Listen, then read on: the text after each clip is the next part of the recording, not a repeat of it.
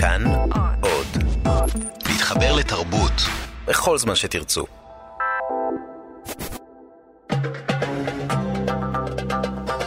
גם כן תרבות. עם גואל פינטו.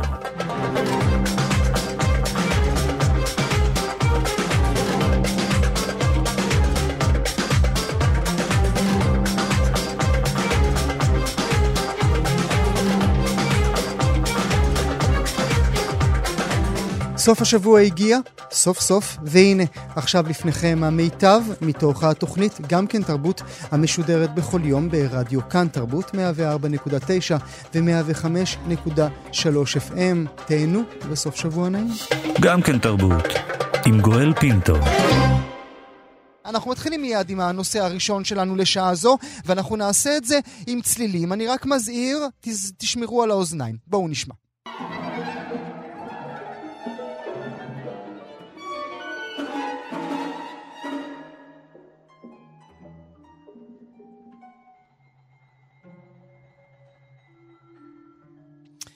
כן, למה אנחנו משמיעים לכם את זה? נשאיר את זה קצת אה, ברקע. בגרמניה מודאגים מאוד מכייסים וגנבים המטרידים נוסעים בתחבורה הציבורית שם, והם יוצאים עכשיו בניסוי מעניין, ניסוי שיחל בתחנה אחת בלבד, בברלין, הרמנשטראסה, קוראים לה התחנה, ובתחנה הזו תנוגן מוסיקה אטונאלית.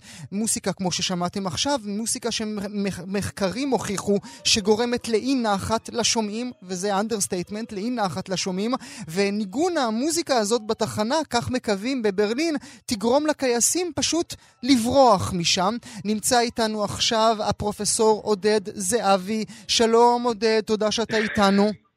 שלום, שלום גואל. לא, זה נהדר, נכון? נכון שזה נהדר. זה מוסיקה, מוסיקה נפלאה, אני נוטה להאזין לה ברגעים שבהם אני מבקש להירגע. אה, לא, העניין, העניין הוא פה יותר מורכב, והאמת היא שהסיפור הזה הוא סיפור מעניין, הוא, הוא, הוא, מעניין על, מהרבה מאוד מקומות. מהמם. ראשית, יש לי איזושהי תחושה, רגע, לפני כן פתיח. כן. ברשותך, פתיח. כן. עצוב לי כרגע לשבת ולדבר איתך מסיבה אחת נורא פשוטה. בכל דור ודור קם בציבוריות הישראלית מוסיקאי קלאסי, פרופסור לעיתים, שיודע לדבר לקהלים רחבים בתוכניות מהסוג הזה. מהמם. ואני יכול לדמיין שבאמת אך לפני כמה שנים, נועם שריף שנפטר השבוע היה עושה את הדבר הזה. נועם ידע לדבר, הוא היה יודע לענות על, ה, על השאלה הזו בצורה נפלאה, והיה קורא, היה מספר על אה, שטוקהאוזן, היה קורא לו שיתוק האוזן, ועל תיאר בול עז, בול עץ. אני, אני, אני יושב פה איתך, אתה יודע, אני אומר, נועם שריף ומיכאל אוהד, גואל פינטו ועודד זהבי, בטח יש עכשיו עוד כמה שאומרים, יאללה, שהזקנים האלה כבר יעופו מפה, ואנחנו נדבר ואנחנו נסביר את התופעה הזו, שדרך אגב כבר נשארת די הרבה שנים, של, של מוסיקה אטונאלית. יש משהו נפלא בעיניי, שאתה יודע, גרמנים, רכבות, destruction, זה, זה פשוט פנטסטי מסיבה אחת פשוטה.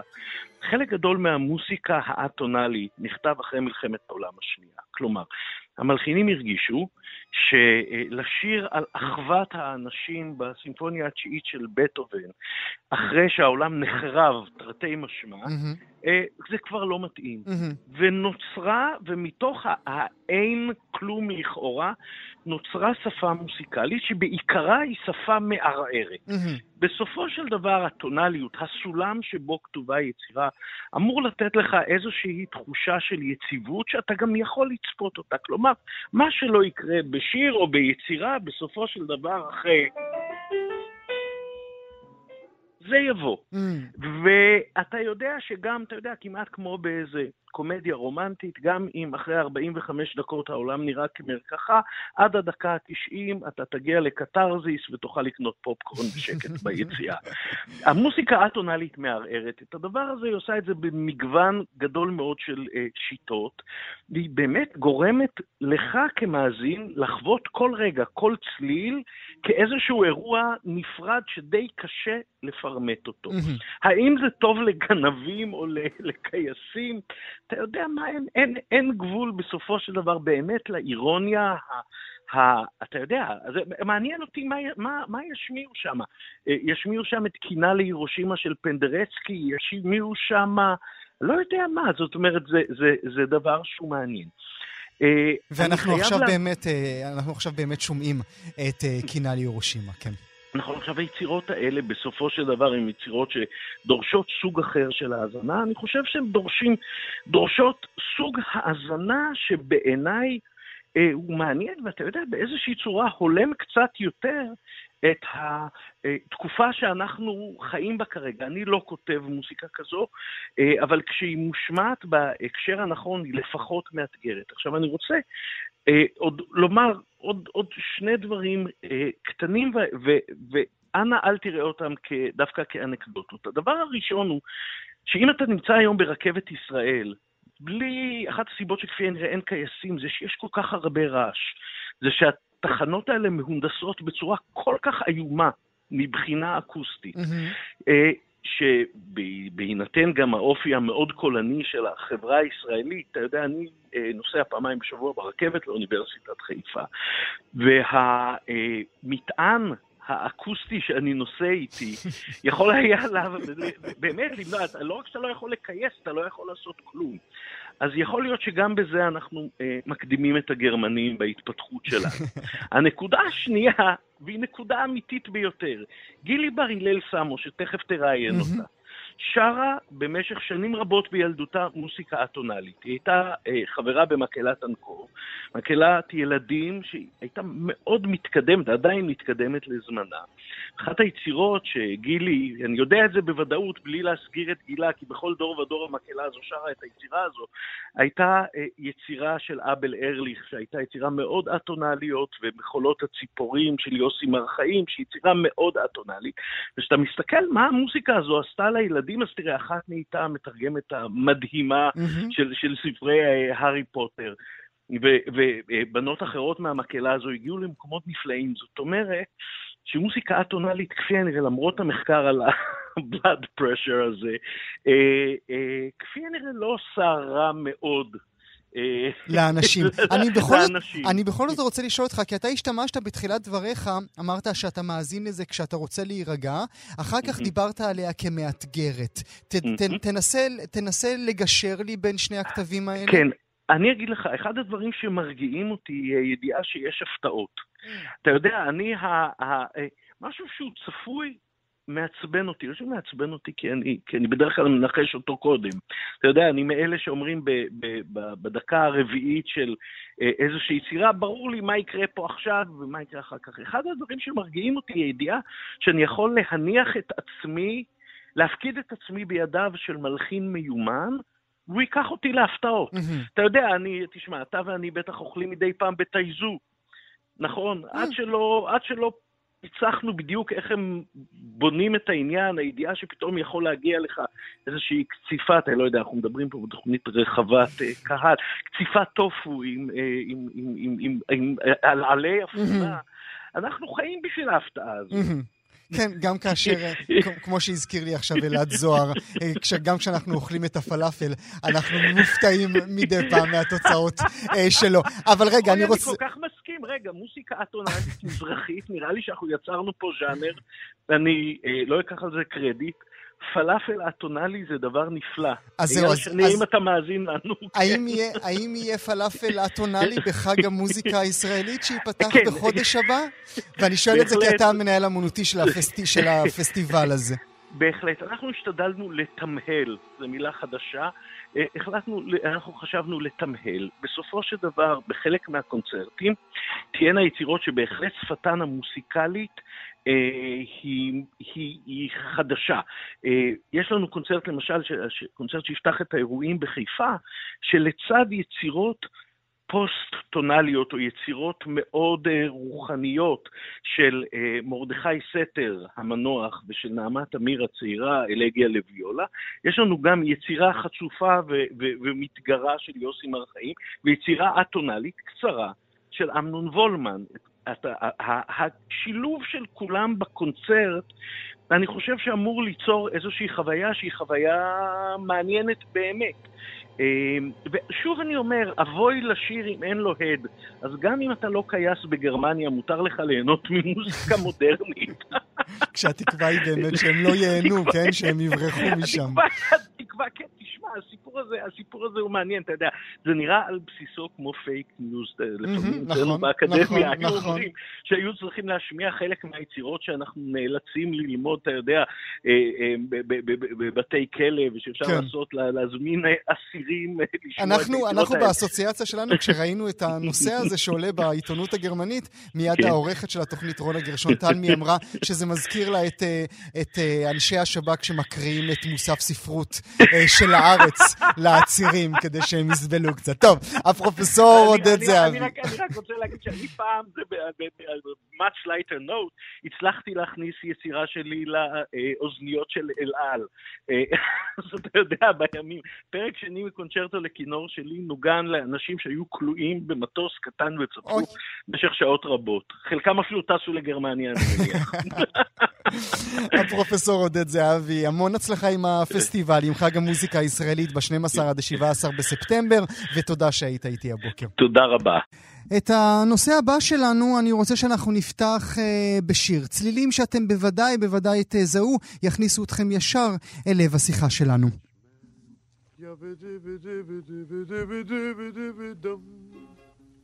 All day long I biddy biddy bum. If I were a wealthy man, I wouldn't have to. כן, אה, גל של שחקנים ישראלים כובש את אה, בימות ברודוויי אחרי ששון גבאי בביקור התזמורת שירי מימון בשיקגו. עכשיו מגיע תורו של יחזקאל לזרוב שהולך לגלם בברודוויי את רבי טוביה בכנר על הגג. יחזקאל לזרוב נמצא איתנו. שלום יחזקאל. בוקר טוב, שלום. לו היית רוטשילד, רבי לא טוביה. הייתי רוטשילד באמת. כאילו, זה נשמע כאילו שרת את זה וקיבלת את זה. אה, האמת שכן, הסוכן אה, שלי בכלל אה, כבמאי, אריק אה, פנה אליי, אמר שהוא דיבר עם המפיקים שהם מחפשים את טוביה החולף.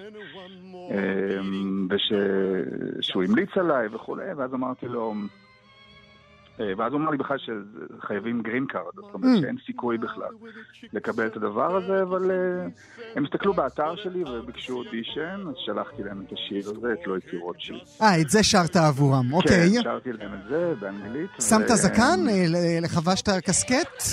מה זה? שמת זקן? חבשת לא, לא, קסקט? לא, לא שמתי כלום, ככה...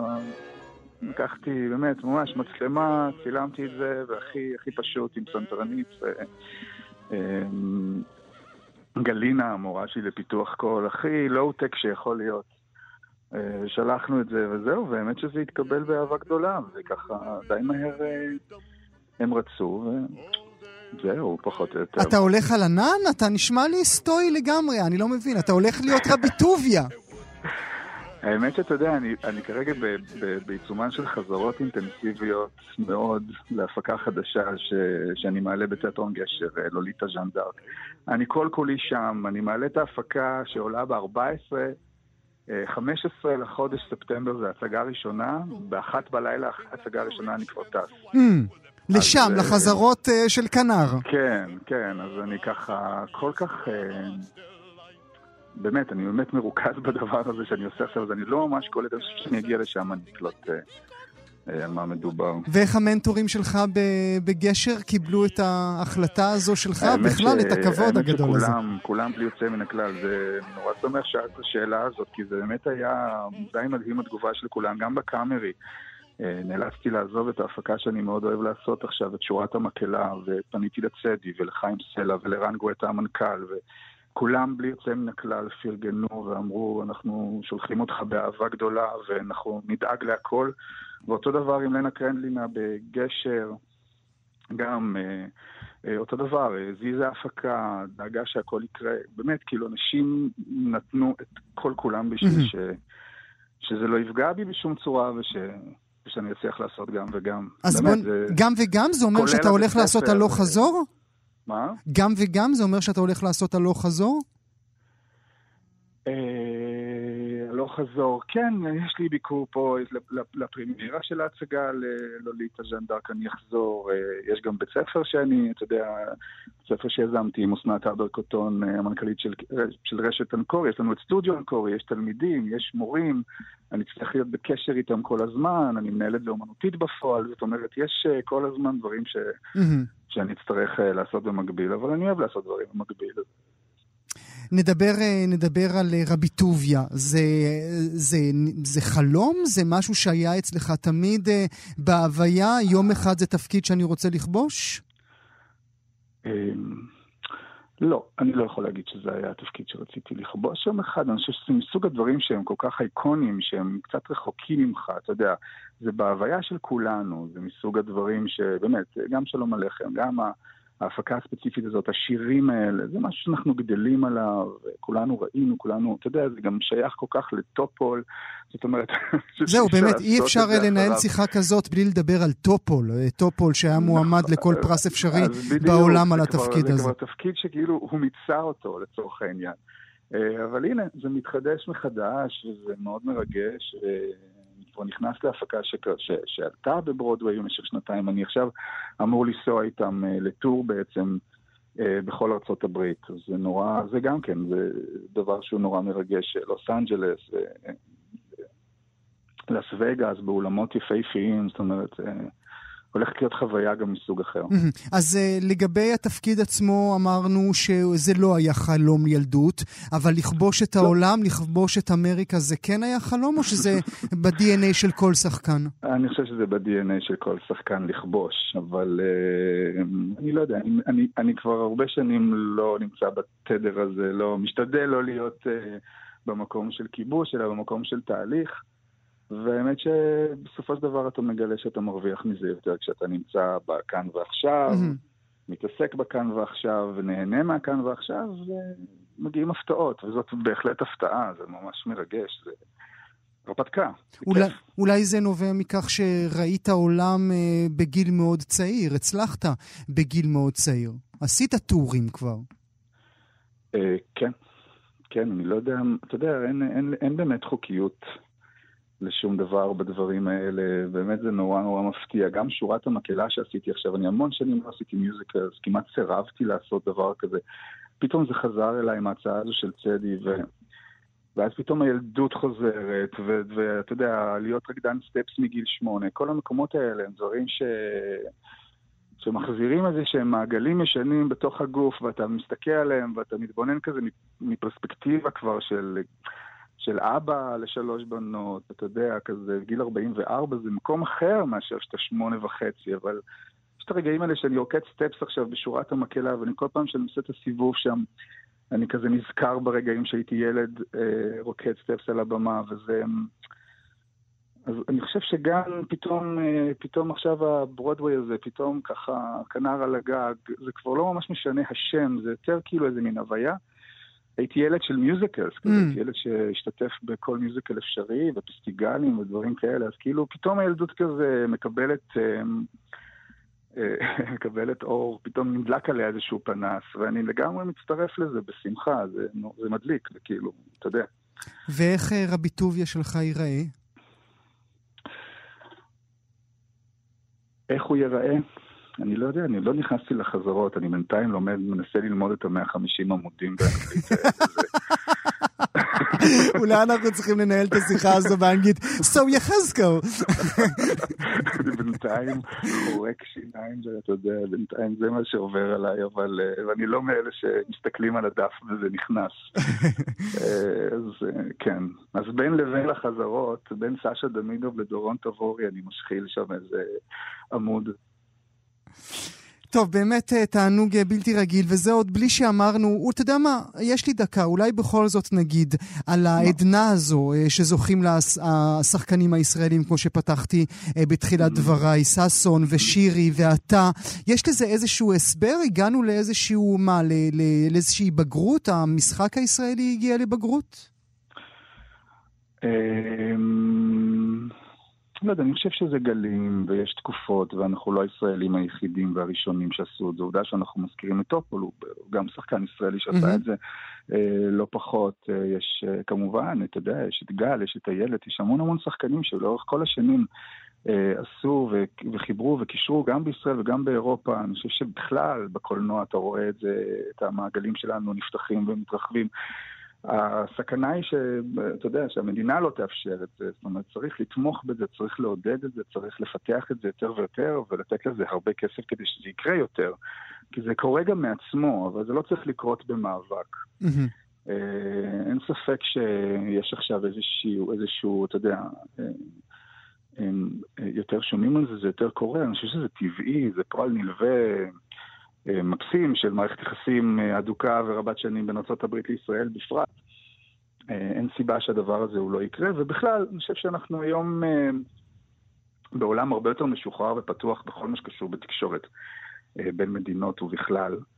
כך שהגפים האלה שהיו פעם, אתה זוכר שהיינו מתקשרים לחו"ל, והיינו צורכים לאפרכסת, כן. יש עוד אנשים שצועקים כשהם מתקשרים לחו"ל. כמובן. אז uh, אני חושב שהדבר הזה הוא קצת היום הרבה יותר פשוט, ומן הסתם הזליגה uh, לכאן ולכאן היא הרבה יותר בקלות, וזה דבר טוב שקרה. מהדברים הטובים שהטכנולוגיה והתקשורת... כן. יחזקאל, יחזקאל, רבי טוביה, לזרוב, נרים איתך כוס לחיים, נברך אותך. תודה, יקירי, תודה. ו... טוב, אנחנו כמובן נדבר. הנה, נשאר לך טופול. להתראות. תודה. כאן תרבות 104.9, 105.3 FM. אל הנושא הבא שלנו, קריסטינה רוזטי, שנחשבת לבחירת המשוררות הוויקטוריאניות, פרסמה ב-1862 פואמה יפייפייה, שהפכה ליצירה המוכרת ביותר שלה. קוראים לה שוק הגובלינים. שוק הגובלינים. עכשיו סוף סוף רואה הפואמה אור בהוצאת עוץ בתרגומה של גילי בר הלל סמו ואיורים נהדרים של עופרה עמית. נדבר על הפואמה עכשיו, על הספר היפהפה הזה. גילי בר הלל סמו נמצאת איתנו. שלום גילי. שלום. אני לא יודע אם האזנת לתוכנית שלנו, אבל הפרופסור עודד זהבי ריחל איתנו עלייך בשידור, סיפר שהיית חברה, חברת מקהלה טונאלית, ששרת שירים של אבל ארליך, וכולי וכולי וכולי. הכל נכון. הכל נכון. אוקיי, נעבור לדבר אה, על הדבר הזה. אה, לפני שנדבר על העניין ועל ההחלטה לפרסם את הפואמה, תני לנו מעט רקע על קריסטינה רוזטי. אה, קריסטינה רוזטי הייתה, היא, היא מוכרת היום בעיקר כאחותו של דנטה גבריאל רוזטי, mm-hmm. שהיה ממייסדי האחווה הפרה-רפאליטית. אה, אנחנו מזהים את הסגנון של האיור והציור הפרה-רפאליטי. אני חושבת ששם השאירו את החותם הכי גדול. אבל התנועה הייתה תנועת אומנות כללית וכללה גם ספרות. אה, ואפשר להגיד שהיצירה הזאת של קריסינה רוזטי שייכת לשירה הפרה-רפאליטית. כי זה היה מין סלון, זה היה סלון אה, שהעביר אידאות, אה, סלון שדיבר בשפה אחת ורצה להעביר מסרים מסוימים. וגם שקירב את התרבות הבריטית לתרבות האיטלקית, היא הייתה בת ל... מישהו בעצם ש, שגורש מאיטליה על דעותיו הפוליטיות, אז, אז גם פוליטיקה וגם אומנות וגם פילוסופיה, וכנראה באמת אה, סלונים מאוד מאוד סוערים mm-hmm. של, של שינוי חברתי דרך אומנות, אה, ובכל זה גדלה אה, נערה מוכשרת ביותר. אז מתי את לראשונה נתקלת בשוק הגובלינים של קריסטינה רוזטי?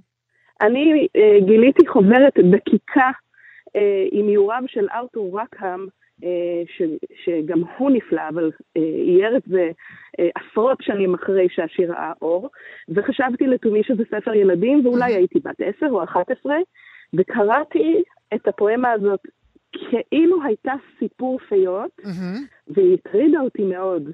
כן, כי מי נותן בה... לילדים לקרוא את הדבר הזה? יש בה ללא ספק אלמנטים של סיפור פיות, אבל יש בה גם אה, יש בה גם מטאפורות לאונס, שזה מאוד קשה. כן, על זה כמובן. כן. דתיים, ו- ואיכשהו אה, משהו בשיר הזה לא, לא הרפא ממני. המשיך להציק לי לאורך השנים, וחזרתי אליו שוב ושוב ושוב בניסיון לפענח אותו. והכלי שלי לפענח אותו היה גם להתחיל לתרגם אותו בערך גיל 14. אה, כבר אז התחלת, לא חיכית לגילך עכשיו, אוקיי. אני לאורך שנים מתרגמת כל פעם קצת. כמה בתים, ואחר כך מניחה לזה כמה שנים, ואז חוזרת ועוד כמה בתים. ו, אה, ובעצם זה שהספר רואה סוף סוף אור, זאת הגשמה של חלום של כמעט 30 שנה. 30 שנים את מתרגמת את הדבר, את הדבר הזה. בבסיס הפואמה, נאמר למאזינות והמאזינים שלנו, בבסיס הפואמה, שתי אחיות. אני רוצה דווקא להקריא עבורכם, אה, מאזינים, אה, משהו מאוחר בפואמה, לא את ההתחלה שלו, משהו מאוחר יותר, אולי כדי לתת לכם מעט מהקשר בין שתי האחיות האלה, אה, קשר של אהבה גדולה, אולי אפילו קשר של אהבה מטרידה, וגם על זה נדבר עם גילי בעוד רגע.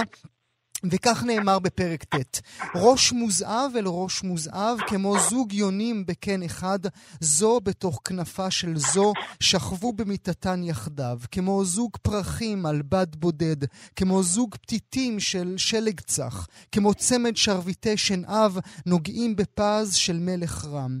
כוכב ולבנה מציצים באשנב, הרוח שיר ארס זימר ונשב, ינשופים גמלונים חדלו ממעופם, ואף עטלף לא טפח בכנפיו, להפריע שנתן. לכי אל לכי.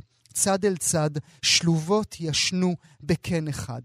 זה כל כך יפה, והתרגום שלך יפהפה, גילי, אבל כאן, בפרק הזה, בחרתי דווקא אותו להקריא, כי באמת מדובר בשתי אחיות שקושרות האחת אה, את גורלה, בגורלה של, ה, של השנייה. אהבה מאוד גדולה, אבל אני תוהה אם במהלך השנים, כמה, 150 אה, שנים מאז פורסמה הפואמה, לא דובר גם על אהבה מטרידה בין שתי האחיות האלה. אני יכולה לגלות לך שבשלב שהשיר עוד היה אה, רק חלום ועוד לא ראה אור, אפילו ביקשו את רשותי אה, לכלול את הקטע הזה מתוך השיר שאני פרסמתי באינטרנט, חלקים, mm-hmm. אה, בתוך אנתולוגיה של שירה הומו-לסבית. Mm-hmm. אה, כי זה כאן יותר משירה הומו-לסבית, שם זה, כאן זה כבר שירת גילוי עריות כמעט. נכון, כי, אבל, אבל בהחלט מרגישים שיש כאן רובד כמעט אירוטי. ואני חושבת שהייתה התלבטות, האם באמת הכוונה היא אירוטית, או שפשוט החושניות הרבה, שהיא המאפיינת של הפרה-רפאליטים, אנחנו היום מפרשים אותה כאירוטית, אבל מבחינת, מבחינת חיסינה רוזטי זה פשוט ככה היא הציגה יופי. כשהיא רצתה, רצתה להראות משהו ש, אה, שהוא בעל יופי נשגב, יצא לה אירוטי, כן? Mm-hmm. אה, ו, אה, ואני חושבת שהשאלות האלה קצת לא פתורות. Mm-hmm. כלומר, אי אפשר להתעלם מזה שהתיאורים הם כל כך חושניים שהם גוררים לצד של האירוטיקה. Mm-hmm. מצד שני, היא מתארת, היא מתארת אה, קשר טהור בין החיות. Mm-hmm. אה, כן. קשר טהור, גם קשר של סליחה, וזה מגיע לקראת הסוף, גאולה אולי. הקרבה עצמית, כן. אה, אבל הדבר המטריד ביותר, אה, ובאמת מטריד, אני, אני מודה כאשר אני קראתי את זה הוטרדתי, כקורא אפילו. אה, זה תיאור, ה... אי אפשר לתאר את זה בעיניי אחרת מאשר תיאור אונס של אחת, אה, של אחת אה, מהאחיות על ידי הגובלינים האלה, כאשר היא הולכת להציל את אחותם. אתם, כשתקראו את זה, ואני מקווה שתקראו את זה, גם תבינו על מה אני מדבר, היא הולכת להציל את אחותה, ואז היא נאנסת על ידי אותם אה, גובלינים. איך זה עבר אז, לפני 150 שנים, או שאף אחד לא הבין על מה מדובר? אני חושבת שה... היחס של הוויקטוריאנים לכל מה שקשור במין היה מאוד שונה מהיחס שלנו היום. אה, ואין כאן שום איבר חשוף, כן? אה, כשאנחנו מדברים על תיאור אונס, אנחנו מדברים על זה שדוחסים פרי לפיה בכוח, או מנסים לדחוף פרי לפיה mm-hmm, בכוח. Mm-hmm. אז אם אומרים שפורנוגרפיה זה עניין של גיאוגרפיה, גיאוגרפית אנחנו לא באזורים של הפורנוגרפיה. Mm-hmm. ולדעתי את הוויקטוריאנים זה סיפק. אבל שוב, קוראים את התיאורים האלה, ואין ספק שזאת מטאפורה mm-hmm. אין שאלה בכלל. Mm-hmm. אז, אה, אז הוויקטוריאנים היו אלופים בלהסתובב עם ולהרגיש בלי. אני חושבת שמתייחסים יותר לפן המוסרי מאשר לפן הפורנוגרפי. אבל כן, היו גם כאלה mm-hmm. שגינו את הפרה-רפאליטים, אה, מה היה המושג? Fleshly school, האסכולה הבשרנית קראו להם בבוז. אסכולה שעוסקת בבשר ובחושניות במידה כזאת שהיא זונחת את המוסר. מי קהל היעד של הדבר הזה? וזה עכשיו אני פונה אל גילי המולית, לא גילי המתרגמת. אה, קהל היעד זה אנשים בוגרים קודם כל, זה לא ספר שמיועד לילדים, אה, שאוהבים את, ה, את היופי של השפה mm-hmm. ושל האיורים, ש, שאוהבים ספר כדבר יפה. אה, וגם כאלה שמתעניינים בהיסטוריה ובחשיבות ההיסטורית כן. של הפואמה. והוא גם, וגם אה, צריך להחזיק את הספר ביד, הוא פשוט יפה אה, עד מאוד. האיורים של עופרה עמית וכמובן העושר של הספר עצמו. שהביאה חושניות משלה, כן. גם קושניות מאוד מאוד מעודנת. כן. האיורים הם נקיים, ואף על פי כן יש בהם משהו מאוד קודר מהמם. ויצרי. לא, זה, אה, זה באמת תוספת נהדרת לספרייה של כולנו. אני רוצה ברשותך, גילי, לסיים את השיחה שלנו בהקראה נוספת, וזה ההקראה של אהבה. אה, אהבה, אחרי שדיברנו על דברים קשים, הספר מסתיים אה, בעצם בכך שנאמר, נותנת לורה יד קטנה ביד קטנה, ומצווה קרבה בין האחים. אין רע בעולם כמו אחות בימי מרגוע ובימים קשים. אם נעצבת את, תצעיל רוחך, ואם עובדת את, תוביל דרכך. ועת תפלי אותך תרים, ואם עומדת את, כוחך יתעצים. גילי בר הלל, סמו, אני מודה לך מאוד שהיית איתנו שוק הגובלינים עכשיו בחנויות. תודה רבה. תודה, גילי. את הנושא הבא שלנו אני רוצה שאנחנו נפתח בכמה צלילים. בואו נשמע.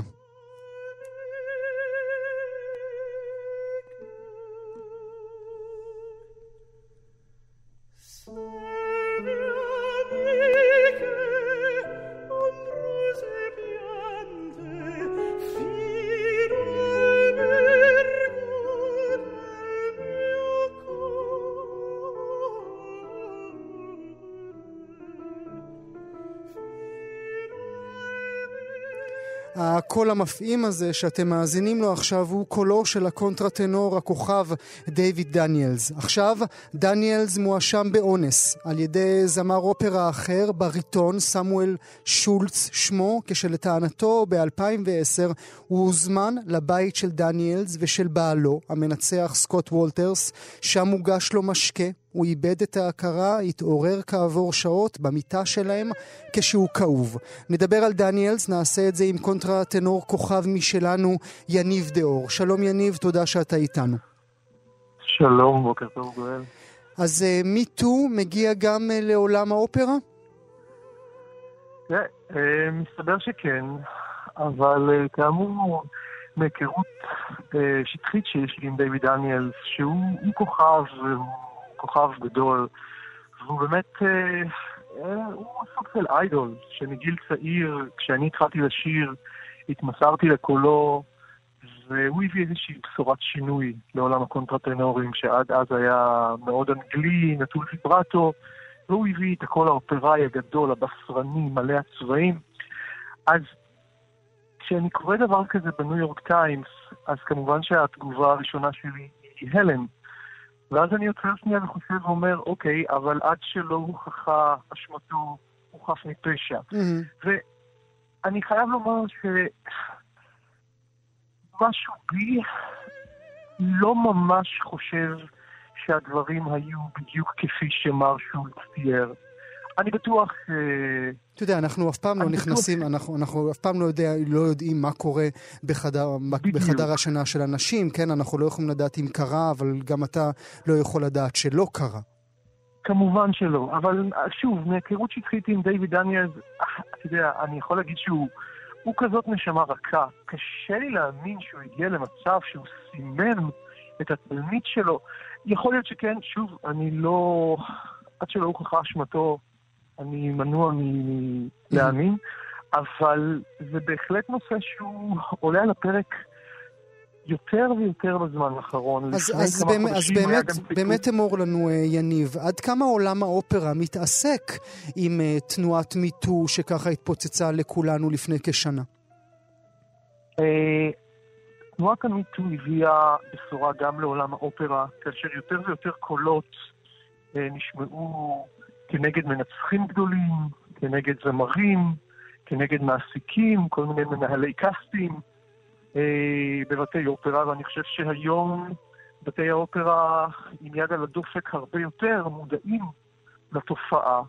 לפני אה, כמה חודשים, אני לא יודע אם זכור, שג'ון קופלי, שהוא אחד מבמאי האופרה הגדולים בעולם, בעצם פוטר, מה... פוטר מהמטרופוליטן אופרה בניו יורק בגלל שהוא העיר הערה סקסיסטית. עכשיו, שוב, צריך לשים את הגבול כי בן אדם שהוא בן 84, שכל חייו הייתה לו לשון מאוד זדונית ולעולם לא פגע באיש, ואמר איזושהי הערה אולי פוגענית, אולי, בין זה לבין פיתוחים נשמע לי שהדרך מאוד מאוד... אה, הפתיל שם מאוד מאוד קצר, וזה אומר דרשני. אתה, אתה, טולר... אתה טולרנטי נורא, יניב, תסביר לנו את הגישה הזו שלך. זה כי אתה עצמך לא נפגעת, או כי מה? אני, קודם כל לא נפגעתי, אה, ואני מברך על כך ומודה על כך. אה, אני לא יודע אם זו טולרנטיות, אנחנו בעולם האופרה חיים בעולם מאוד פתוח, מאוד אה, מלא מלא ברגש, מלא בפתיחות, ואפשר מאוד בקלות לתרגם דברים שנאמרים בחזרות להערות שאולי הן פוגעניות. אני אתן לך דוגמה מהעולם שלי. כאשר אני עשיתי הפקה לפני כמה שנים בתיאטרון הלאומי של ליטא, בווילנה, האופרה הוורדית, אז גם שם אמר לי הבמאי המהולל, הידוע בליטא, כן, אבל אתה, אתה, אתה יהודי, אתה יודע לסבול, אז תסבול, תראה לי איך אתה סובל. עכשיו, יכולתי לקחת את זה בקונטקסט של, תגיד, אתה נפלת על הראש? איך אתה מדבר? אבל באותו קונטקסט של סצנה, של עבודה, רגשית מאוד מאוד, בסצנה מאוד מאוד, אה, מה אני אגיד לך, אה, אה, רגשית. כשהוא אמר דבר כזה, אז איכשהו זה, זה עשה היגיון, כי הבנתי למה הוא מתכוון. עכשיו, בעולם, ה, בעולם האופרה, באמת, עניין המיניות, עניין הפתיחות הוא מאוד מאוד גדול. צריך לשים, אני לא אומר שלא, אבל צריך לשים את הגבול בין איפה דברים נאמרים באופן מאוד פוגעני ומתכוון, לאיפה הם נאמרים כסוג של הלצה. אמור עוד מילה ברשותך, יניב, על תנועת כן. המיטו בעולם, אה, בעולם הלהט"בי, כי זה, ש, זה שדייוויד דניאלס יחד עם בעלו אה, מואשם אה, באונס, בעלו המנצח סקוט וולטרס, זה גם במידה רבה איזשהו, משהו אה, חדשני בכל השדה שאנחנו מדברים עליו. אה, בעולם הלהט"בים, דווקא מתוך היכרות עמוקה ושייכות אליו, אני דווקא חושב שזה לא ממש משנה. זאת אומרת, ההתייחסות, לפחות בעולם האופרה, לעולם הלהט"בי היא כל כך אה, שוויונית, זאת אומרת, לעולם לא, לא חוויתי איזושהי דיסקרימינציה כזו או אחרת, כך שאני לא חושב שלעולם הלהט"בים יש קשר לתנועת המיטו בעולם האופרה, אם אתה מבין למה אני מתכוון. הדברים האלו הם מאוד uh, מובנים מאליהם ומאוד מאוד מתקבלים ואף אחד לא מרים גבה או אף אחד לא מנסה. אני חושב שמה שכן בא לידי ביטוי זה יחסי המרות בין uh, עוסק ומעסיק בבתי האופרה. ופה כן נמתח גבול שאני חושב שהוא גבול נכון, בין איפה נחצה הגבול. אבל כשזה מגיע לחדר החזרות, וכשכולם עובדים אה, לאותה מטרה של הצלחה, אני חושב שיש יותר מקום לפתיחות ולהביע אולי דעות שנתפסות במקום אחר כדעות לא שוויוניות, אבל אם הן עוזרות להגיע למטרה של הפקה טובה והן מכוונות אך ורק לכיוון ההפקה, אז אפשר, אפשר לשאת, כי, כי עולם הדמיון שלנו מאוד מאוד גדול, וכאומן, אני לא יכול להגיד לך שאני באמת נפגש עם המון אנשים שהם אנטישמים או הומופובים או סקסיסטים. אנחנו בעצם כולנו מנסים להגיע לאיזושהי מטרה של הפקה טובה, פרזנטציה טובה, אה, עולם אומנותי בערך מאוד גבוה. אז שהוא, מה שדייוויד דניאל עשה או לא עשה, ואת זה אין עדיין לדעת, זה משהו שלא יעשה אם הוא יצא נכון. אבל אני אישית מאמין שהייתה פה איזושהי היסחפות מאוד גדולה מצד uh, מר שולץ, שכנראה די רצה באיזשהו מקום שדבר... טוב, זה כבר, מסוכן, זה כבר נכון. מסוכן לומר את מה שאתה אומר, אני, ואני מבין, אני, יודע, אני, אני מבין יודע, את אבל... ההפרדה שאתה עושה בין העולם האמיתי לעולם האומנות, אני מבין את ההפרדה שאתה עושה בין חדר החזרות לבין uh, כאן אצלי בעבודה, נגיד שאני מבין את העולמות האלה, אבל לומר על, על קורבן שהיום הניו יורק טיימס מדבר עליו כקורבן, להגיד עליו שאולי הוא רצה את זה, אפס, זה קצת טריקי, יניב. נכון, אני מסכים, אני לוקח את דבריי בחזרה, אבל מעולם ההיכרות שלי עם עולם האופרה, יכול להיות שהתפתחו שם דברים שלא אני ולא אתה יודעים, וכנראה מסיבות קרו או לא קרו, הבחור בחר לצאת עם זה עכשיו. שוב, אם זה קרה, זה חמור מאוד. כלומר, דניאל יצטרך לשלם מחיר מאוד מאוד מאוד גבוה. כן, והוא כבר uh, משלם אבל... uh, בהוראות, uh, בהוראת כן, הלימודים מתפתה, שלו, הוא כבר התפתה, השעה עצמו, אתה צודק, זו הגדרה נכונה יותר. טוב, אנחנו כן. נהיה כמובן על הסיפור הזה, אז אני מזכיר לכם שוב, מאזינים, דיוויד דניאלס, כוכב ענק בעולם האופרה, uh, מואשם עכשיו uh, באונס. יניב דאור, אני מאוד מודה לך על השיחה הזו. תודה רבה. גם כן תרבות, עם גואל פינטו. הסודות המתמטיים של הסימפסונים, ספר חדש בהוצאת ספרי, ספרי עליית גג וידיעות אחרונות, אותו כתב סיימון סינג, אתם מכירים אותו כמובן, כל ספריו וספרי המדע הפופולרי שהוא כותב תורגמו לעברית, והוא עוסק, כמו שאתם מבינים משם הספר, בסימפסונים, בסדרת האנימציה הוותיקה והמצליחה, ובמסרים המתמטיים שעולים מפרקיה. אז מה יש בסדרה הזאת, האם באמת בכלל יש, שגורמת לכל כך הרבה כותבים, חוקרים ופילוסופים לכתוב ספרים על הסדרה הזאת ולנסות למצוא בה רבדים של איכות? האם היא באמת מספקת בכל פרק הרצאה פילוסופית? האם היא מייצגת את נפש האדם? האם יש בה רוחניות? ובעיקר, וזה נכון לשיחה שלנו, האם יש בה מספרים? איתנו נמצא עכשיו מתרגם הספר לעברית חיים שמואלי. שלום חיים, תודה שאתה איתנו. היי, מה נשמע? בסדר גמור. אז אחרי ההצלחה המאוד גדולה של סיימון סינג בעולם ובישראל, הוא מפנה את מבטו אל המשפחה הצהובה, הסודות המתמטיים של הסימפסונים. אפשר להבין מדוע, לפני שאנחנו נכנסים אל הספר עצמו, מדוע כל כך הרבה חוקרים, כמו שאמרתי בתחילת דבריי, מתעסקים עם המשפחה הזו, שזו רק סדרת אנימציה? אה, האמת היא שאני לא יודע להגיד את זה, אבל אה, דמויות חריגות אה, תמיד משכו אנשים. אני חושב שפועדוב זכה להכי הרבה מחקרים מהסוג הזה. נדמה לי שוודי אלן בדרכו שלו גם כן. אה, הסימפסונים הם פשוט, אה, אה, אני, אני לא יודע למה הם, אבל אני יכול להגיד שאלה שכתבו אותם הם אנשים מאוד מאוד מיוחדים, וכנראה שזה השפיע. אז באמת בוא נדבר על האנשים שכתבו אותה, וזה באמת, קראתי את הספר בשמחה רבה, למרות שאיני איש מתמטיקה, כן. יותר מזה כשאני... רק מדמיין מספרים, אני נרדם בהליכה. אבל הוא כן אומר דברים מעניינים, ואני אמנה בפניכם מאזינים. כותבים רבים אה, בסימפסונים הם אנשי מתמטיקה.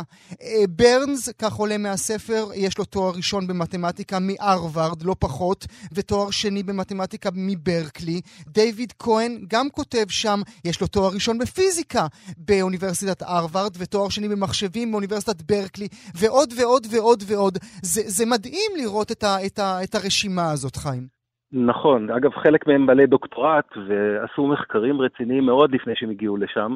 אה, ואפילו הם, הם נורא צחקו באמצע הספר, אה, יש סיפור שאחד מהם בא ומצהיר בגאווה שהוא כתב איזשהו מאמר אה, בביטאון, בכתב עת מאוד מאוד נחשב, אז חבר שלו אומר לו ככה בשוויון נפש, כן, אני פרסמתי שם לפני שבוע, או משהו כזה. כן, זה נורא מעניין, זה נורא מיוחד, אני לא, לא חושב שיש דוגמה כזאת. אה, ואפילו זה מעלה את השאלה האם, האם יש ערך מוסף לאנשים שבאים מתחום המתמטיקה בכתיבה כזאת. Mm-hmm. אני לא יודע את התשובה. האם יש באמת מתמטיקה? תרגמת את הספר, אני מניח שעבדת קשה מאוד כדי לתרגם אותו. רק, רק אמור לי, אתה מתרגם ויש לך נגיעה למתמטיק, למט, למתמטיקה, או שאתה אה, מתמטיקאי שחוטא בתרגום? אה, לא, אני דווקא פיזיקה, אני מורה לפיזיקה, אבל בעברי אני פיזיקאי, אבל נגיד שברמה הזאת הקשרים די, די הדוקים. אוקיי, אתה השתכנעת אז? אני, מה, לא, לא הבנתי? אתה השתכנעת למה שסינג מוצא בסדרה? כן, אתה כן, השתכנעת. בהחלט. אז אנא, שכנע אותי ואת המאזינים. אז ככה, לשכנע זה מאוד מאוד קשה כי הרשימה ארוכה. זה אגב ספר מאוד אקלקטי, הוא לא אה, נתפס לנושא אחד מסוים, אלא הוא מספר על... בעצם הוא משתמש בעובדה שהכותבים שתלו רמזים מתמטיים או בדיחות מתמטיות או כל דבר אחר, כדי לפתח את נושא המתמטיקה דווקא למי שלא אמונים על כך. אה, אבל יש פשוט המון המון סיפורים אה, נחמדים שם. עכשיו, הוא שותל את זה ברבדים שונים. יש את הרובד השטחי, הטריוויאלי, כמו זה שמעלים את המספר פאי שם, ליסה נדמה לי מדברת על פאי, mm-hmm. ואז הומר מלא בדמיון שלו פשטדה, כי כן, זה מה שהוא תופס כפאי. או, או מגי משחקת בקוביות, ויש שם פתאום קובייה עם האות E ואחת עם האות M, ויכול, אם מסתכלים רואים שכתוב E שווה MC בריבוע. Mm-hmm. אז אלה בדיחות, אה, נגיד, שטחיות, נורא, הן מאוד נחמדות, אבל אה, לא מעמיקות. יש שם המון המון המון קריצות לקהל של אנשים בעלי רקע במתמטיקה, שהצופים הרגילים למעשה לא רואים את זה, זה בכלל. זה עובר לי מעל הראש, כן. זה עובר מעל הראש, או שאפילו לא מספיקים לראות. לפעמים אתה צריך, אה, יש, יש מה שנקרא freeze gag, שאתה צריך לעצור את ה...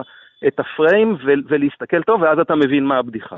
עכשיו, הם גם מדברים על פנקייקים, כן? זה פרק שתפס אותי באמת... אה, נכון. הדרך בה, הכמות של הפנקייקים, שיכול להיות שלא הבנתי, כן?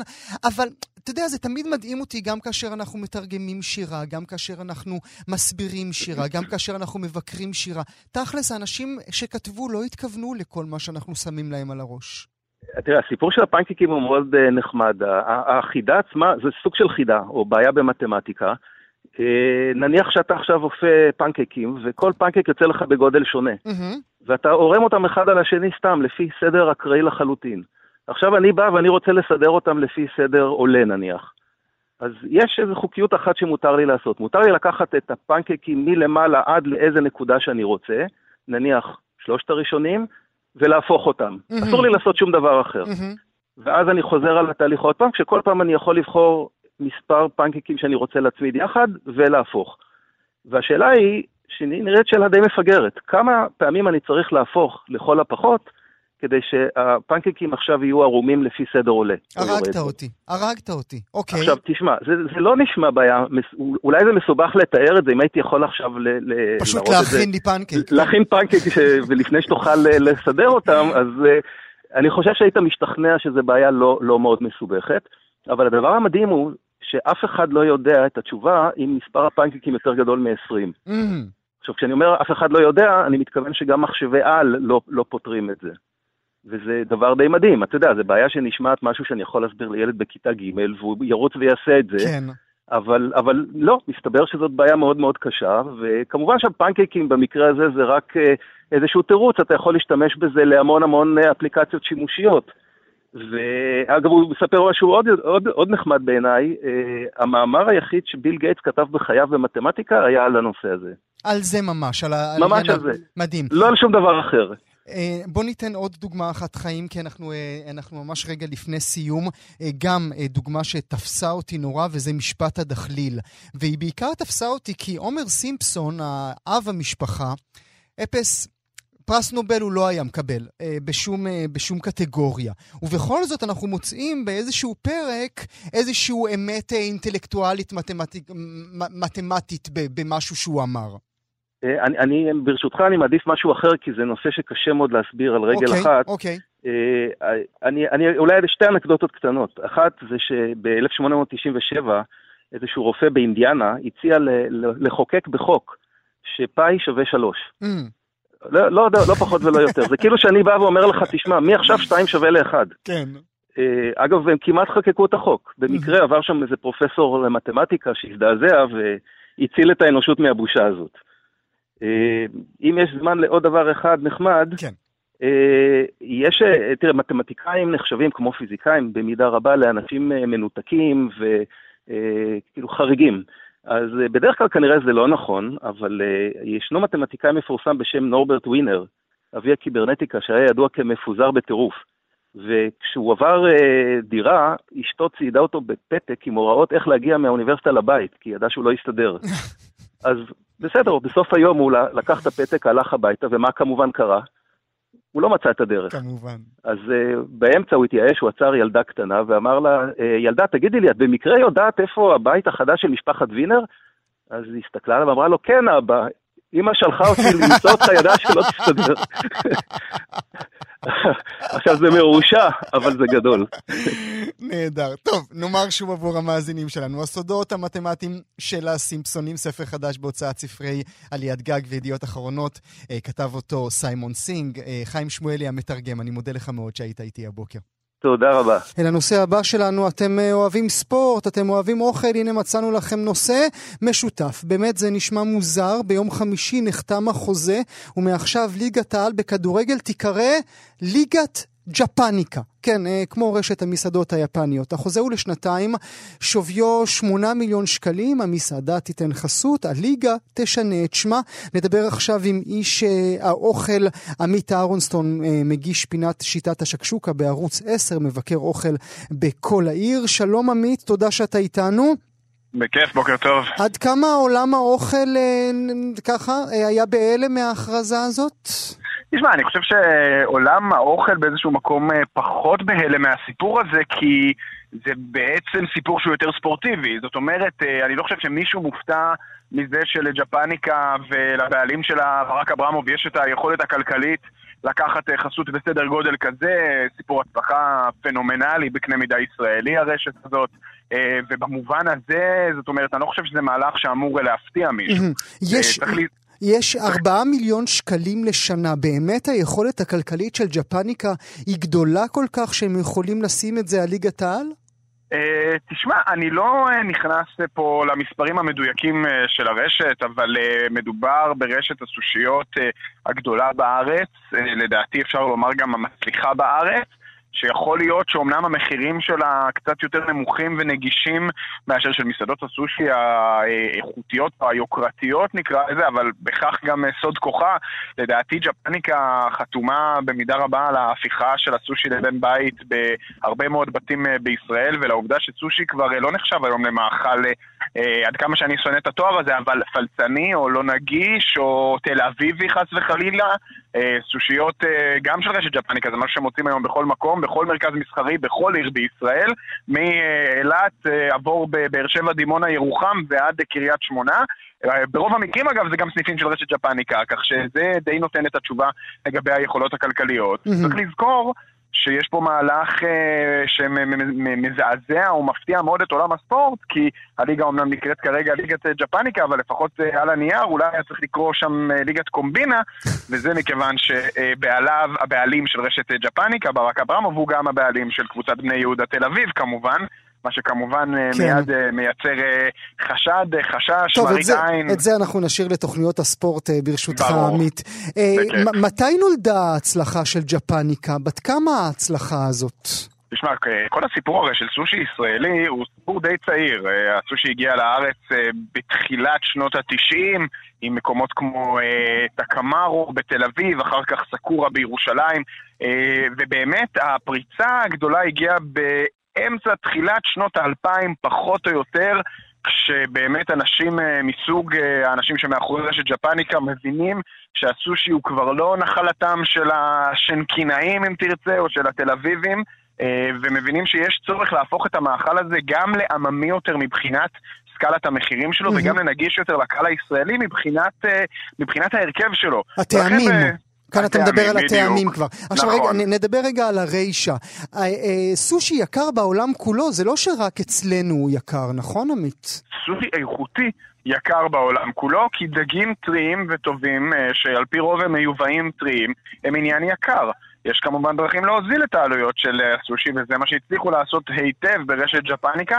אגב, בלי איזו התפשרות קרדינלית, זאת אומרת, ברור שהאיכות של סושי ברשת אה, ג'פניקה, קשה להשוות אותו למסעדה, למסעדות סושי מתמחות, בטח ובטח למסעדות אה, סושי מתמחות בעולם. Mm-hmm. אבל בסופו של דבר, אם אתה נצמד לדברים המוכרים ולא הולך לאינטרפטציות הישראליות של הסושי המטוגן והגבינת שמנת וכל הדברים האלה, אז בסופו של דבר, אורז דג ועצה, אפשר לעשות איתם הרבה דברים, וברגע שהאורז מתובל כמו שצריך, והדג אה, הוא מאיכות ראויה, אז כן, אפשר בהחלט לקרוא לזה סושי, ואפילו סושי לא רע בכלל. יש את הצד השני, הצד השני של המטבע, שהוא באמת ההנגשה. זאת אומרת, לפעמים אני אומר שג'פניקה אולי חנות הסושי היחידה בעולם שמריחה כמו חנות של סופגניות, כי באמת מתגנים שם, מתגנים שם כל כך הרבה מהסושי, שזו תופעה באמת יוצאת דופן. למה אבל... מתגנים? כי אנחנו הישראלים צריכים את זה מטוגן?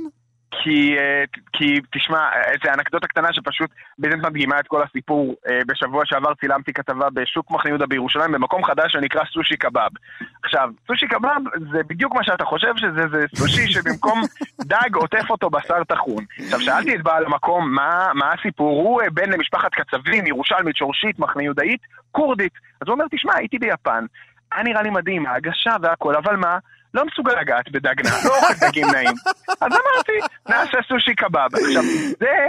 אה, כבר באמת לקפוץ הרבה מאוד, זה על גבול הלהשתין מהמקפצה נגיד, כן. אבל מה שעושים ברשת ג'פניקה זה באמת אה, ההבנה שישראלים לא תמיד אה, בא להם הדג הנאה, אז יתגנו להם את הסושי, ואז הוא יהיה פריך, והוא יהיה כמובן הרבה יותר מתוק, והטיבול של האורז יהיה יותר מתוק. והמיונז, המיונז, המיונז. כן, והמיונז והטריאקי והספייסי מאיו, ואתה טובל את זה בכל כך הרבה רטבים, שגם אם היה שם דג הוא כבר שוחה במקום אחר, אבל, אבל זה עובד, תשמע, עם הצלחה אי אפשר להתווכח, כן. וכן, עם 4 מיליון שקל בשנה, אפשר לעשות אה, הרבה, אני יכול לחשוב על הרבה דברים יותר הגיוניים מאשר כן. לשים אותם בליגת העל בכדורגל, אבל אתה יודע, שוב, לא נכנסים פה לכיסים שלהם. איזה עבודה יש לך. עמית אהרונסון, מגיש פינת שיטת השקשוקה בערוץ 10, מבקר אוכל בכל העיר, ליגת העל ג'פניקה. הנה, תתחילו, תתחילו לשנן. עמית, תודה רבה לך שהיית איתי. תודה, אחלה שבוע, ביי ביי. כאן הגיעה לסיומה תוכנית נוספת של גם כן תרבות. כרגיל, אנחנו שולחים אתכם לעמוד הפודקאסטים שלנו, עמוד ההסכתים, בכתובת כאן.org.il/פודקאסט. שיהיה לכם מה להאזין.